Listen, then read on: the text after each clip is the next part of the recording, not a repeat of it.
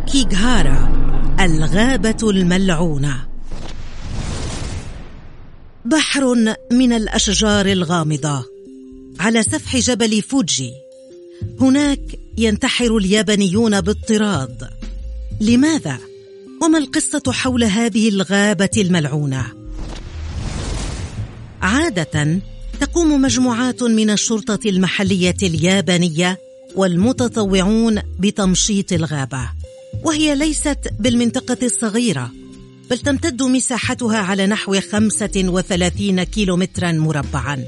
تسمى هذه الغابة بغابة أوكيغارا. فتقوم تلك المجموعات بالبحث عن جثث ليضعوها في مشرحة قرب الغابة.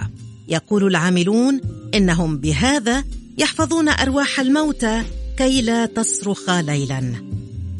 غابة الشيطان أحد أسمائها. هي تمتد فوق حمم بركانية يكثر فيها الحديد ما يجعل البث الخلوي ضعيفا أو لا يعمل تماما وحتى البوصلات لا تعمل. وبسبب كثافة الأشجار إذا صرخت في الداخل سيبدو صوتك مكتوما بسبب امتصاص الذبذبات من قبل الأشجار.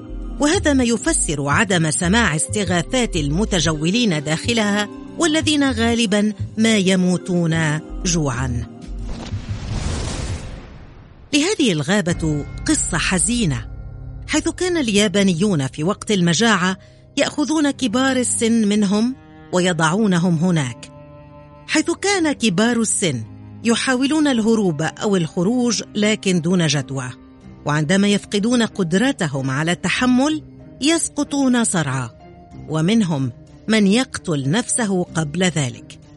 وعليه كان كل من يقترب من تلك الغابة يسمع صوت صريخ أو أنين. حتى بدأت النظريات بالتواتر بمعنى أن الكثير من الناس فسروا هذا الصوت على أنه صوت أرواح من ماتوا هناك. وفي العام 1960 انتشرت رواية مكتوبة تقول إن هناك عاشقين قررا إنهاء حياتهما في الغابة. فتخيل أن رواية اعجبت الكثيرين من الشبان الذين قرروا الانتحار هناك وبدأ رقم المنتحرين بالارتفاع. يعتقد بعض الروحانيين اليابانيين أن الغابة تلتهم أرواح المحاصرين داخلها وتسجنهم فيها للأبد. وهناك من يعتقد أن الغابة بأكملها عبارة عن شبح كبير.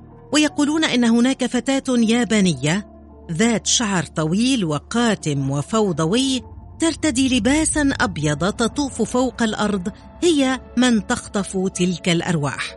صراحة ذهب الكثير من الأشخاص إلى تلك الغابة وخرجوا منها وكتبوا لنا بعض المقالات التي تقول إنهم شعروا كأن هناك قوة ما تجرهم نحو داخل الغابة شيئا غير قابل للتفسير. وتحدثوا أيضا عن سماع صراخ خافت يخرج من عمق الغابة حيث حاول البعض تحديد مكان الصراخ للمساعدة لكن دون جدوى. في بعض الأحيان تؤدي هذه الصرخات لظهور جثث جديدة ويعتقدون أن هذه الصرخات تخرج من شبح الفتاة اليابانية التي تحدثنا عنها بهدف إغرائهم للدخول إلى الغابة أكثر. وإلى اليوم لم يعرف أحد على وجه التحديد ما إذا كانت تلك الغابة مسكونة بالفعل أم لا بسبب موت أكثر من مائه شخص كل عام فيها من مغامرين وآخرين ومنتحرين. هل تتملك هذه الغابة الأرواح التي ماتت فيها فعلا؟ لا أحد يعلم على الإطلاق.